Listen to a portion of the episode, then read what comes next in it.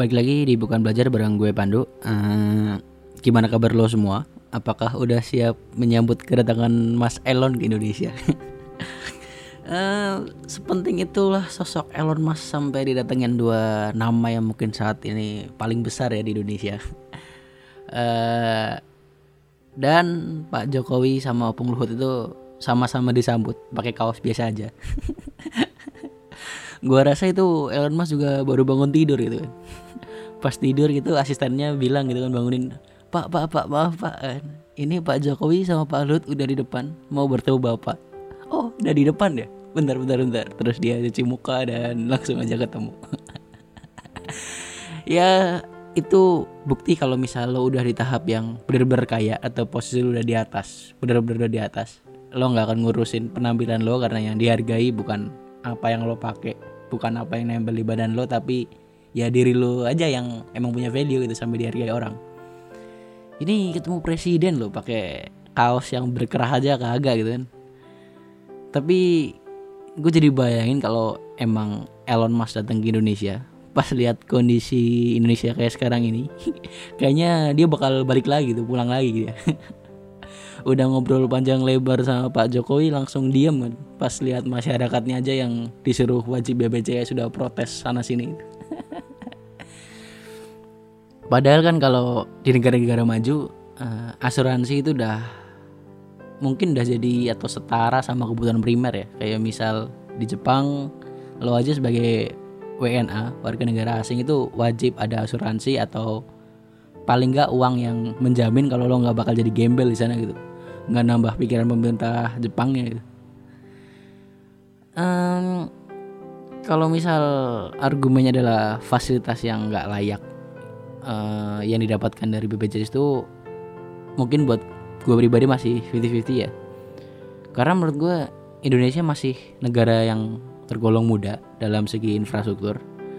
Jadi wajar aja kalau misal ada kegagalan atau kesalahan di bidang-bidang yang emang kita baru mulai gitu. Dan asal lo tahu aja nanti lo bisa baca-baca sendiri eh, tentang beberapa produk asing yang sekarang udah besar produknya di mana produk-produk itu punya sejarah yang cukup sulit terutama di awal-awal produk itu merintis eh, produknya itu sendiri ya. Kayak misal Samsung itu dulu cuma produk biasa aja tapi karena rakyat Korea Selatan pada zaman itu mendukung banget si Samsung ini di mana Samsungnya kan waktu itu minta kepercayaan rakyatnya terus rakyatnya kasih eh, rakyatnya kasih kepercayaan dengan memakai terus produknya Samsung ini hingga akhirnya bisa besar juga. Tapi ya semoga masyarakat kita bisa mempersiapkan diri kalau emang Elon Musk ini bakal ke Indonesia. Biar paling nggak ya kita nggak bikin malu aja ntar. Dan mungkin ada pro kontranya tersendiri masalah mulainya kerjasama Indonesia sama Tesla ini ya atau Mas Elon ini. Ada yang mungkin ada yang bilang kenapa kita nggak buat mobil listrik sendiri aja ketimbang memperkaya Tesla yang udah sebegitu besarnya. Eh, kalau mau berkaca dari sejarah, eh, kita itu udah nggak bisa ngejar brand-brand mobil yang udah besar karena brand-brand yang udah ada itu butuh waktu berpuluh-puluh tahun bahkan untuk bisa jadi kayak sekarang. Yang artinya kalau kita mau sebesar mereka saat ini, ya kita juga butuh berpuluh-puluh tahun juga di mana ketika udah kita kita udah nyampe titik itu ya brand-brand lah ya juga udah lebih jauh di atas. Ntar pemerintah full dukung produk lokal dan hasilnya nggak sesuai sama ekspektasi ya masyarakat masyarakat kita demo lagi gitu gitu aja terus sampai bayangan yang ada di otak lu bisa kewujud itu padahal susah banget tuh mencapainya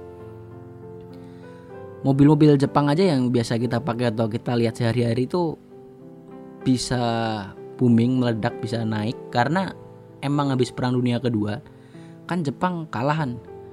Terus ke mereka itu Jepang ini dapat semacam sanksi atau hukuman di mana mereka nggak bisa atau nggak boleh berkembang atau mengembangin di beberapa sektor kayak militer dan gue lupa apa aja.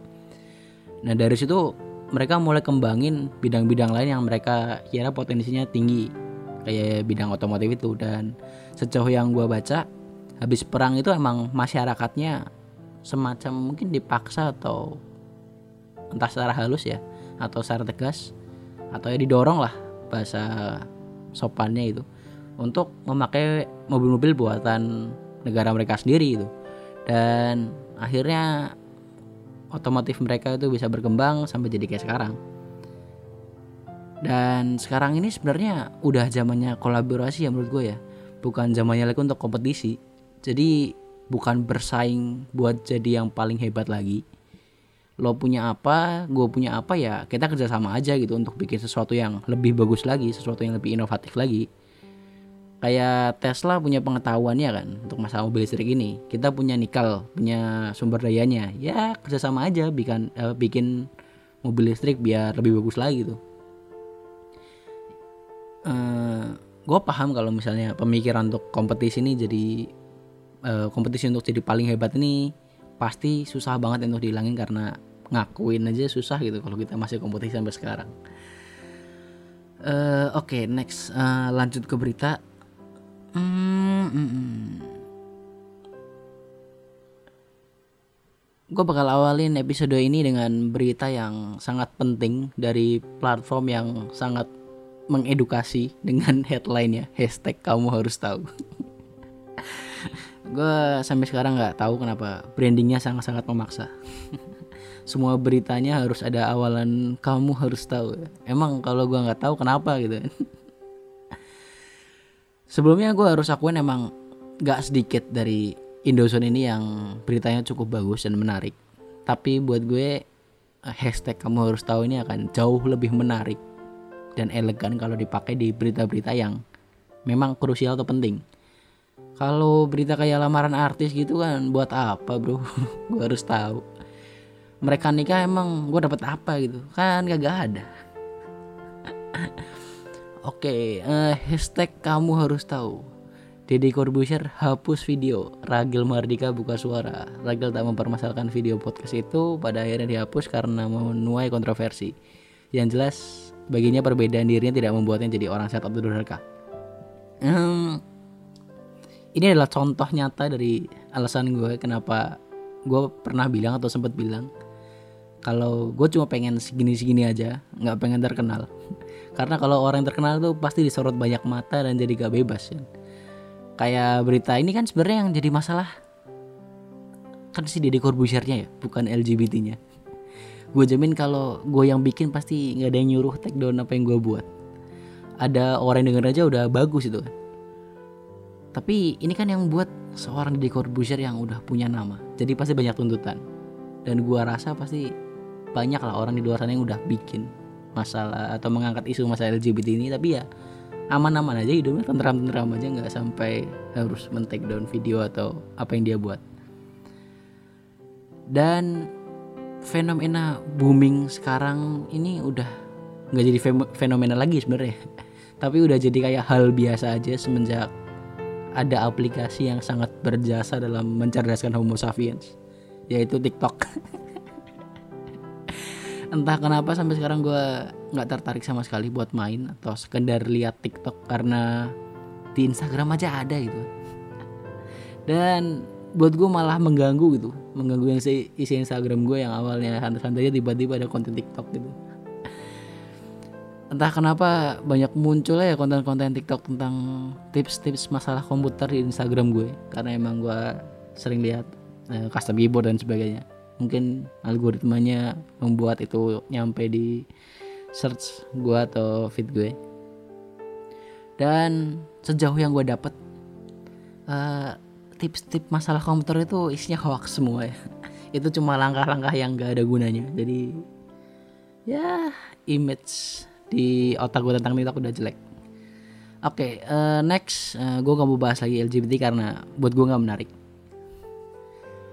Uh,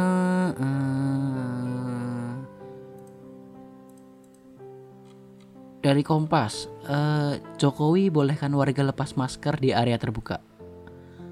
Uh, Jakarta Kompas.com presiden mengumumkan pelonggaran aturan memakai masker untuk masyarakat tanah air.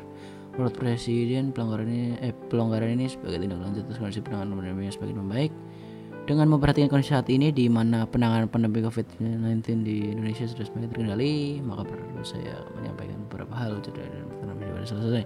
Pertama, pemerintah memutuskan melonggarkan kebijakan memakai masker jika harus berada di tempat atau area terbuka yang tidak ada orang. Selesai namun terbuka dan disarankan kepada masyarakat siap pendeta komorbidnya uh, mungkin oke oke eh, kalau ditanya gimana pendapat gue tentang aturan pelonggaran masker ini di tempat umum gue sebenarnya pendapat gue sebenarnya biasa aja ya. Karena gue aja udah merasa lingkungan gue sekarang ini juga kayaknya udah biasa aja sama covid. Jadi dengan adanya pelonggaran ini mungkin dampaknya akan nggak akan kerasa gitu biasa aja tapi mungkin lo bisa coba tanya ke anak-anak pelajar atau mahasiswa apakah mereka senang atau enggak? Karena artinya dengan pelonggaran ini kan menandakan kasus covid di Indonesia mulai membaik situasinya mulai membaik yang artinya mereka akan semakin sulit untuk nyontek. Ini yang gue bilang dulu waktu pertama-pertama kali ya awal-awal lah bisa bisa awal di bukan belajar ini di 2021 awal-awal 2021 gue bilang kalau misal nilai pelajar itu akan tinggi tapi kualitasnya akan turun.